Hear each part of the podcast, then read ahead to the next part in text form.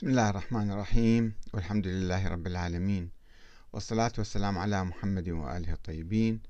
ثم السلام عليكم أيها الأخوة الكرام ورحمة الله وبركاته. الإمام المهدي الثاني عشر محمد بن الحسن العسكري أسطورة ولكنها أسطورة حية أسطورة لم تمت أسطورة تفعل وتشتغل و آه، يعني تدخل في الحياة السياسية والمالية والاجتماعية. يعني القول بوجود ولد للإمام العسكري فرضية افترضها بعض الناس أربعة خمسة في البداية وقالوا أن الإمام العسكري عنده ولد بالسر وما حد ما شايفه لا أهل بيته يعرفوه ولا هو العسكري يعرفه أصلا ولا أحد من الشيعة ولا عامة المسلمين بس إحنا أربعة خمسة نعرفه وإحنا وكلاءه وإذا عندكم فلوس جيبوا لنا إياها. هذه الأسطورة طورت عبر الزمن فأصبحت أسطورة سياسية أيضا وأسطورة آه، فقهية. يعني تدخل في مختلف جوانب الحياة. مثلا تحدثنا قبل أيام عن آه، رأي السيد السيستاني كمثال يعني عن الولاية المطلقة للفقيه الولاية العابرة للحدود والشاملة للفقهاء الآخرين ومقلديهم. إذا حكم الفقيه فعلى جميع المسلمين في العالم أو الشيعة في العالم الاستماع إليه وطاعته لأنه هذا نائب الإمام المهدي. هذا كان جانب سياسي. ومو فقط السيد السيستاني آخرون أيضا يميلون إلى هذا الجانب يقولون أن الفقهاء وكل فقيه وكل من يدعي الفقه أصلا هو نائب الإمام فيصبح مهيمن على الأمة الإسلامية. أه، هناك جانب آخر الجانب الفقهي. يعني عندنا الآن مراجع أو مجتهدون. هؤلاء يقولون نحن فقهاء وبالتالي كل رأي فقهي يصبح هذا كأنه كلام الله وعلى الناس الاستماع إليهم. على الناس طاعتهم في هذه المسائل الفقهية. كل ما يخطر على باله مسألة ويقولها من دون دليل ما يحتاج بعد يجيب دليل. كل ما يقول هو يصبح كلام الله. وهذا مسألة هذه مسألة خطيرة جدا حقيقة. كيف أنه واحد من نعرفه هو جاهل فاسق عالم عادل الله أعلم. و آه، متبع المناهج العلمية في الاجتهاد أو لا. يقول كلاما يقول فتوى أو رأي معين أو بيان معين فيصبح كلامه مقدس وهو كلام الله تعالى واللي يخالفه يروح للنار. هذا حرام عليه. الراد عليهم كالراد علينا والراد علينا كالراد على الله. بعد بعد مصيبة عظمى يقع بها الإنسان. فهذه الهيمنة الفقهية وسوف نتحدث عنها بالتفصيل في أوقات أخرى. أريد اليوم أن أتحدث عن الجانب المالي. أن هذا النائب الإمام طبعا فلازم يعطى الخمس إليه والخمس حسب فتاوى الشيعة يقسموا قسمين سهم الإمام وسهم السادة بالنص. وهذا لازم يعطوه إياه إله وهو يتصرف به وهو يوزعه حسب ما يشاء. وما يجوز لأي واحد آخر أن يتصرف بالهذا. إذا عنده فلوس وخمس ما يصير هو يعني يصرف به طبعا هاي المسألة في بداية تكون الفرقة الاثنى عشرية في القرن الرابع الهجري الشيخ المفيد أيام الشيخ المفيد كان فيها عشرين رأي. والشيخ المفيد يقول ما ندري شو نسوي بيها ما عندنا نص صريح واضح. المن نعطي الخمس؟ أساسا الخمس واجب ولا مو واجب ما ندري. المن نعطيه ما ندري. نذبه بالبحر ندفنه نخبيه نحطه بالبنك لما يطلع صاحب الزمان ياخذه ما نعرف. ولكن مع مرور الزمن الفقهاء الذين سيطروا على الشيعة شافوا هذا خوش منجم ذهب. يا منجم بترول أكثر من هذا بملايين مليارات الأموال تطلع من هذا المنجم. وهم سووا لهم نظريات وفتاوى أنه لا الخمس واجب. ومو بس واجب واجب تعطيني إياه إليه. أني المرجع أني الفقيه أني المجتهد. يجب عليك أن تسلم إلي بدون أي دليل بدون أي نص لا من القرآن ولا من السنة ولا من أهل البيت ولا من العقل ولا من الإجماع. وهكذا يفتون ويجيب الفلوس إليه.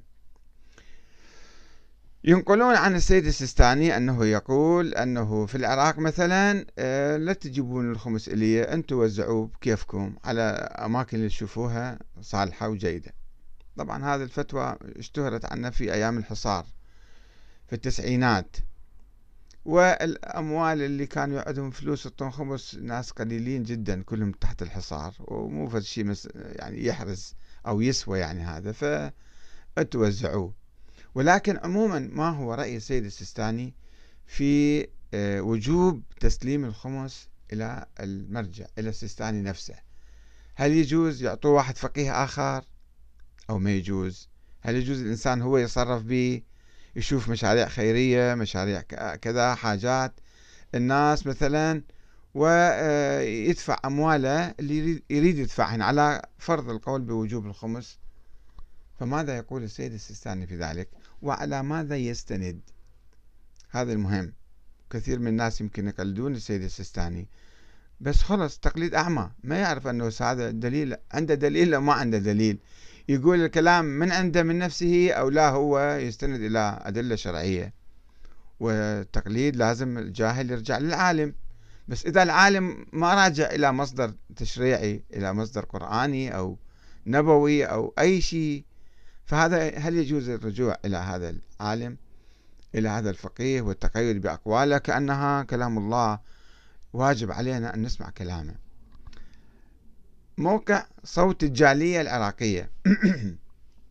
موقع يشرف عليه صهر السيد السيستاني ووكيله في أوروبا وفي لندن هو بالذات. آه، السيد مرتضى الكشميري نشر مجموعة فتاوى للسيد السيستاني حول الخمس. خلينا نقرأ هذه الفتاوى وشويه نفكر شوية نفتح عقلنا نفكر أنه هذه الفتاوى على ماذا تعتمد؟ ولماذا يقول هذا الكلام؟ لماذا يفتي هكذا؟ أنا بس أقرأ لكم الفتوى الفتاوى وأنتم شوي فكروا فيها على الأقل. وهذا كنموذج مو بس السيد السيستاني معظم. إذا مو كل من يق من يتصدى للمرجعية ويدعي الاجتهاد ويدعي المرجعية أيضا يفتي هكذا بنفس الطريقة هذه. وهذه بالحقيقة تسبب لنا حالة ديكتاتورية في المسائل المالية. يعني إحنا نعرف بالحكومات والوزارات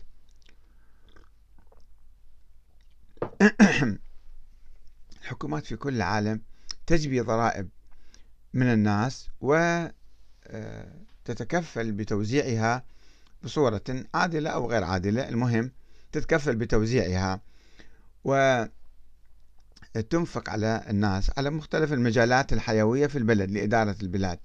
أما الآن المرجعية تأخذ فلوس من الناس وتوزع وتعطي على الطلبة وعلى الفقراء وعلى المساكين ولكن بدون تكفل لمن ينفق الزكاة لمن ينفق الخمس. واحد طول عمره يعطي خمس مثلا. يعطي خمس بعدين افتقر. وأنا عندي حالة والدي كان هكذا يعطي لسيد الخوي أموال. كل ما يربح يروح يودي لسيد الخوي وعندما مثلا هجر أو اعتقل أو مثلا مر في ظرف صعب أي واحد يعني أه ما حد يسأل عنه. ما في دفتر مسجل أنت قاعد تدفع وإحنا نتكفلك مثلا في مقابل هذا. أنه إذا وقعت إذا احتجت نعطيك. ما فيها الضمان هذا. في الدول موجودة الآن في كثير من دول العالم واحد ينفق يعطي ضرائب بس إذا احتاج الدولة هم تعطيه. يعني متطور هذا النظام آه، والنظام الاقتصادي ولكن المرجعية باقية على شكل فردي فوضوي. ما في ما في يعني قوانين أو دستور أو هيئة مشرفة أو مجلس تخطيط لجمع الأموال وتوزيعها بصورة عادلة. ما في محاسب يحاسب كم يدخل وكم يخرج وأين تذهب الأموال البقية. ملايين مئات الملايين كل سنة تدخل هؤلاء المراجع. إذا لم نقل المليارات مجموعة قد تكون يقدر بالمليارات. مجموع الفقهاء الموجودين والعلماء اللي يدعون مراجع أقل شيء مليار دولار بالسنة يدخلهم. ولكن هذا المليار أقل شيء حقيقة. ما في حساب وكتاب كلها مسائل شخصية وفردية وعلى الثقة. لذلك الناس يتهموهم يتهموهم واتهامهم قد ما يكون يعني حقيقي ولكنه من حقهم الاتهام لأنه المال السايب يعلم الناس على الحرام. إذا ما في حساب وكتاب ما يمكن تعتمد على الثقة. شنو هم؟ ملائكة الشيوخ المعممين والطلبة والمراجع. مو ملائكة ناس عاديين ولا معصومين. فهنا تحدث المشكلة في التصرف بالمال.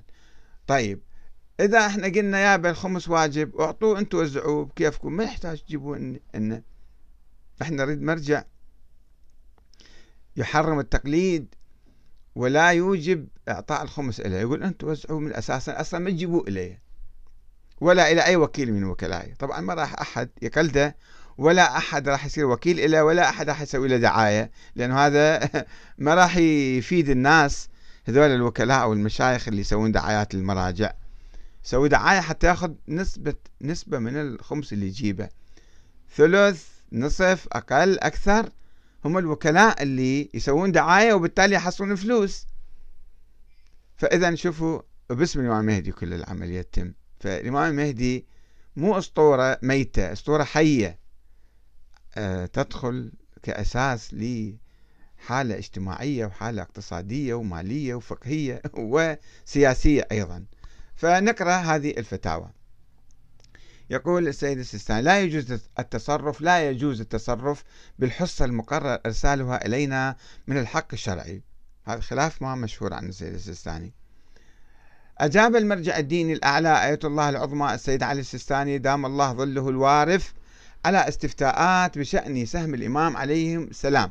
السؤال هل يسمح سماحة السيد دام ظله بإعطاء وكالة للتصرف بسهم الإمام عليه السلام وإعطائه الفقراء كونه من الأقارب والجيران.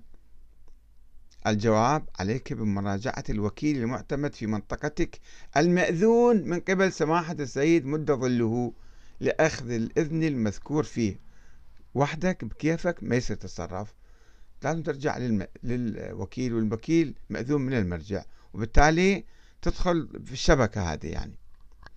السؤال هل أن للفقراء السادة حق في سهم الإمام عليه السلام أو هناك أولوية للفقراء العوام بالنسبة لهذا السهم المبارك؟ الجواب لا أولوية للعوام بذلك بل يجوز دفع حق الإمام عليه السلام للسادة أيضا مع انطباق ضابطة الاستحقاق عليهم وهي التدين مع الحاجة الملحة. إذا واحد ما كان متدين وفقير ومحتاج جدا ما يجوز نعطيه يعني؟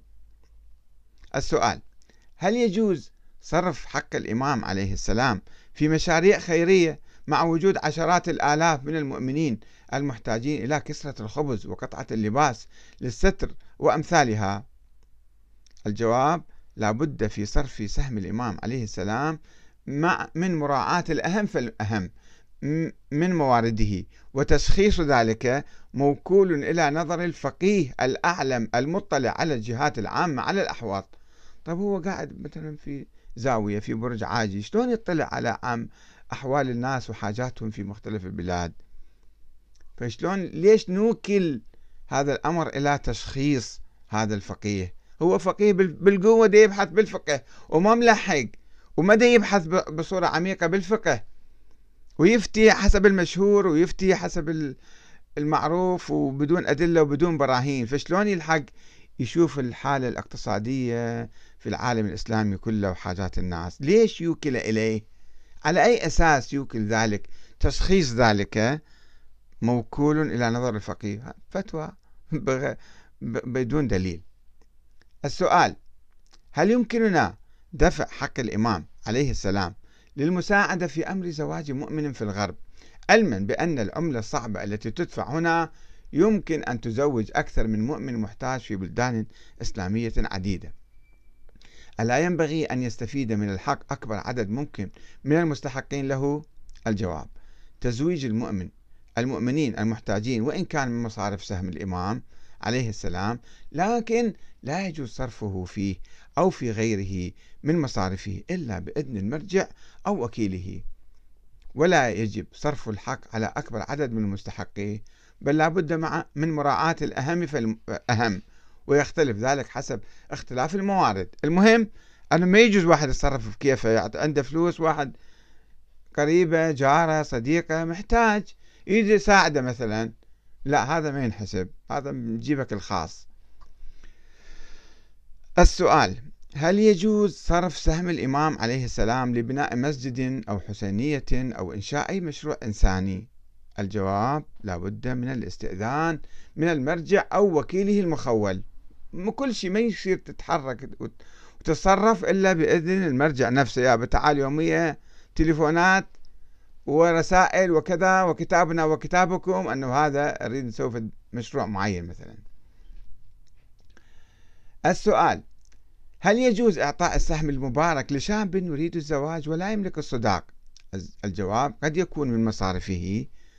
وذلك فيما إذا كان مضطرا إلى الزواج ولا تتهيأ له توفير مصارفه بحيث صار ذا حاجة ملحة وعلى أي حال فلا بد من الاستئذان من المرجع.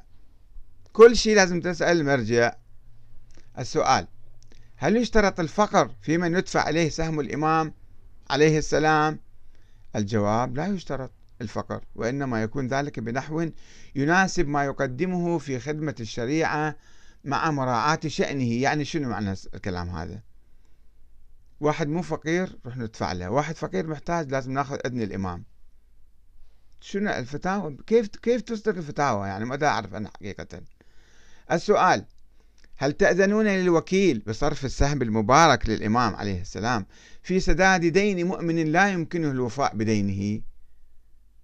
شوفوا هناك يقول واحد مو فقير أعطوه مو مشكلة. إنما يكون ذلك لا يشترط الفقر. هنا يقول الجواب أما بالنسبة للحصة المقررة المقرر إرسالها من الحق الشرعي يعني نسبة الثلثين أو النصف أو كذا فسماحة السيد دام ظله لا يأذن بذلك بتاتا.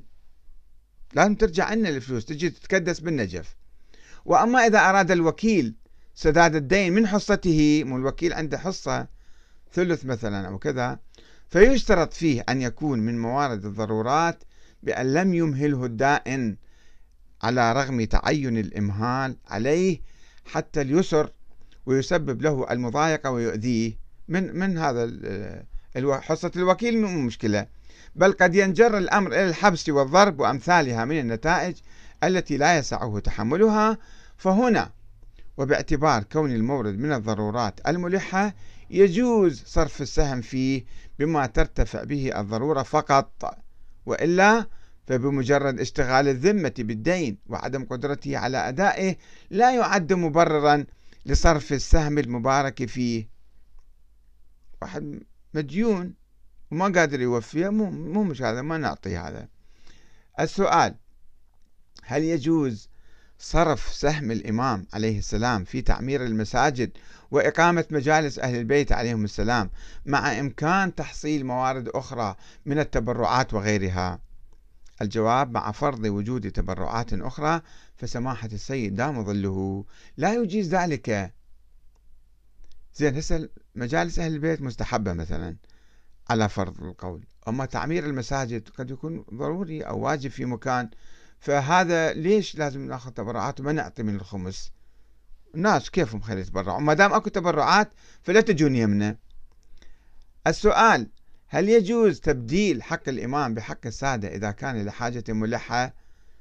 الجواب إذا كان لديك سهم الإمام عليه السلام ولدى غيرك سهم السادة جاز لكما المبادلة لإيصال كل منكما ما لديه لمستحقه واحد بلد بلد آخر مثلا. هذا كل هذا موجودة في موقع صوت الجالية العراقية الذي يشرف عليه السيد مرتضى الكشميري. طيب طبعا هناك مسائل عديدة في مسألة المال التخطيط. يعني هل هناك مثلا عندنا بالحكومات كلها في وزارة التخطيط؟ وزارة التخطيط تقول شنو الحاجات وشنو الضرورات وشنو الأموال منا نجيب ونودي منا. زين في الحوزة مثلا الآن المرجعية مرة مثلا نحتاج إلى ألف طالب علم. ألف مدينة فيها ألف شيخ. نحتاج إلى مئة ألف. تروح تجيب مليون واحد تعممهم تسويهم مشايخ. هذول شو يسوون؟ أكثر من حاجة المدن والقرى والمحلات. فأنت مثلا بتنفق على منطقة بها مئة ألف واحد منطقة عشرة آلاف واحد منطقة أكثر من حاجتهم. وفي وقت أكو فقراء عندنا حاجات مستشفيات نحتاج طرق نحتاج آه، أشياء كثيرة نحتاج. هذه من نهملها ونوزع الفلوس فقط على آه، مجالس العزاء وعلى طباعة الكتب. 450 كتاب عن الإمام المهدي وتترجم إلى عدة لغات. الله أعلم قد يصرفون عليها شنو حاجتها؟ شنو ضرورتها كتاب واحد يكفي في إثبات الموضوع. ليش 450 كتاب وموقع وعلى الإنترنت وتطبع بالكتب والورق وتوزع وتنشر و... وتترجم وكذا وما في ضرورة ولا حاجة ولا فائدة؟ أساطير في أساطير. وكتب أخرى أسطورية. رد الشمس ستين مرة الإمام علي. اطبع ووزع وترجم وسوي. طب هذا منو يقرر أنه آه الفلوس مالت الإمام المهدي تصرف هنا ولا تصرف هناك. في أمس الحاجة قد الناس يكونون في أمس الحاجة إليها ما في تخطيط ذوق ومزاج وكل واحد بكيفه. وما نتحدث الآن عن السرقات والنهب والكذا وال... يوزعون ينشرون قوائم. كل المرجعيات أو معظمهم إيش قد صرفنا في هاي السنة؟ أنا حسبت مرة مصاريف مرجعية السيد السيستاني على الأقل شيء 350 مليون دولار بالسنة. طيب كم دخلكم؟ ما يقولون. كم دخلكم فلوس؟ أنتم صرفتوا بارك الله فيكم صرفتوا على الحوزات وعلى المستشفيات وعلى ما أدري المياتم وعلى الفقراء والمساكين وكل شيء. صرفتوا 350 مليون دولار. طيب كم دخلكم؟ لماذا لا تقولون؟ كم دخلكم؟ وين راح الفارق؟ يعني إن شاء الله المرجع الأعلى ما يحتاج زاهد وقاعد ياكل خبز وبصل باليوم. بس المؤسسة اللي بيها تقريبا إذا مو عشرة آلاف مئة ألف واحد يشتغل فيها. زين. هذول إذا مو مئة ألف عشرة آلاف يشتغلون فيها. هذول ناس كلهم ملائكة كلهم أنبياء كلهم ناس متقين ورعين ما يسرقون ما ينهبون ما يغشون ما يلعبون. مو معقولة. زين ماكو واحد يحاسبهم ماكو واحد حاسبهم. أي جمعية خيرية هنا في بريطانيا إذا تجاوز تجاوزت ميزانيتها عشرة آلاف دولار آه، باوند يجب أن تخضع لمحاسب. محاسب مستقل يشوف إيش قد دخل الجمعية وإيش قد طلع من عندها. هذا قانون معقول. زين أنتم ليش ما تسوون؟ ما تحطون محاسب. جيبوا واحد شيخ هسه مو محامي مو قاضي من برا. جيبوا شيخ من عندكم وخليه يقسم بالله تعالى حتى لا يغش. ويحاسب موارد المرجعية فلوس المرجعية. مو مشكل طب الكيس واحد ما يعرف إيش قد دخل وإيش قد خرج. فهذا كله يتم باسم الإمام المهدي عليه السلام عليه السلام. فهو مو أسطورة هو أسطورة حية مو أسطورة ميتة. فرق بين أسطورة ميتة فشي خرافة قديمة ما إلها دخل في الحياة. بس هذه الأسطورة داخلة بحياتنا. وال الأموال تجبى والمؤسسات تقام ومشاريع وكل ولكن بصورة مشوهة بصورة غير عادلة بصورة غير آه، منصفة وغير مخططة وفوضوية وعرضة للنهب والسرقة والفساد فلا بد أن نعيد النظر في موضوع هل يوجد إمام باسم محمد بن حسن العسكري؟ وهل أعطى للمرجع أو المراجع أعطاهم وكالة ونيابة وأنتم تصرفوا وأنتم هيمنوا على الناس وكل العمل الخيري بالعالم الإسلامي بالعالم الشيعي على الأقل مثلا كله تابع لهذا الشخص وأولاده هم يصرفون فيه كيفهم هل يوجد هذا الشيء بالإسلام؟ هل يوجد هذا في التشيع؟ لذلك نحن نبحث أنه أنتم قاعد ما أقول تسرقون ولكن تستفيدون باسم الإمام المهدي هل المهدي حقيقة؟ وبعدين يجون الناس يقولون خلي المراجع يبحثون. كيف يبحثون؟ كيف يبحثون أنه هذا موجود ولا ما موجود؟ أصلا ما يقتربون من هاي النقطة.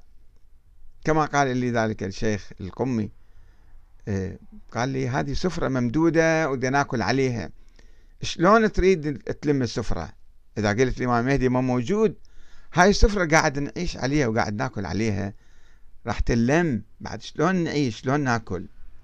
هذا هو سر أن المراجع يتشبثون ويعملون دعاية ويعملون كذا حول ولادة الإمام المهدي عجل الله تعالى فرجه الشريف. بالتالي يطبوا بجيبهم المهدي يحطوا بجيبهم ويستفيدون من عنده ماليا وسياسيا وهيمنة اجتماعية روحية على الناس. مع الأسف الشديد لذلك يجب أن نفكر نفكر ونقوم بثورة فكرية. نعود إلى كتاب الله نعود إلى سنة النبي نعود إلى مذهب أهل البيت اللي ما بي كل هالأساطير. والسلام عليكم ورحمة الله وبركاته.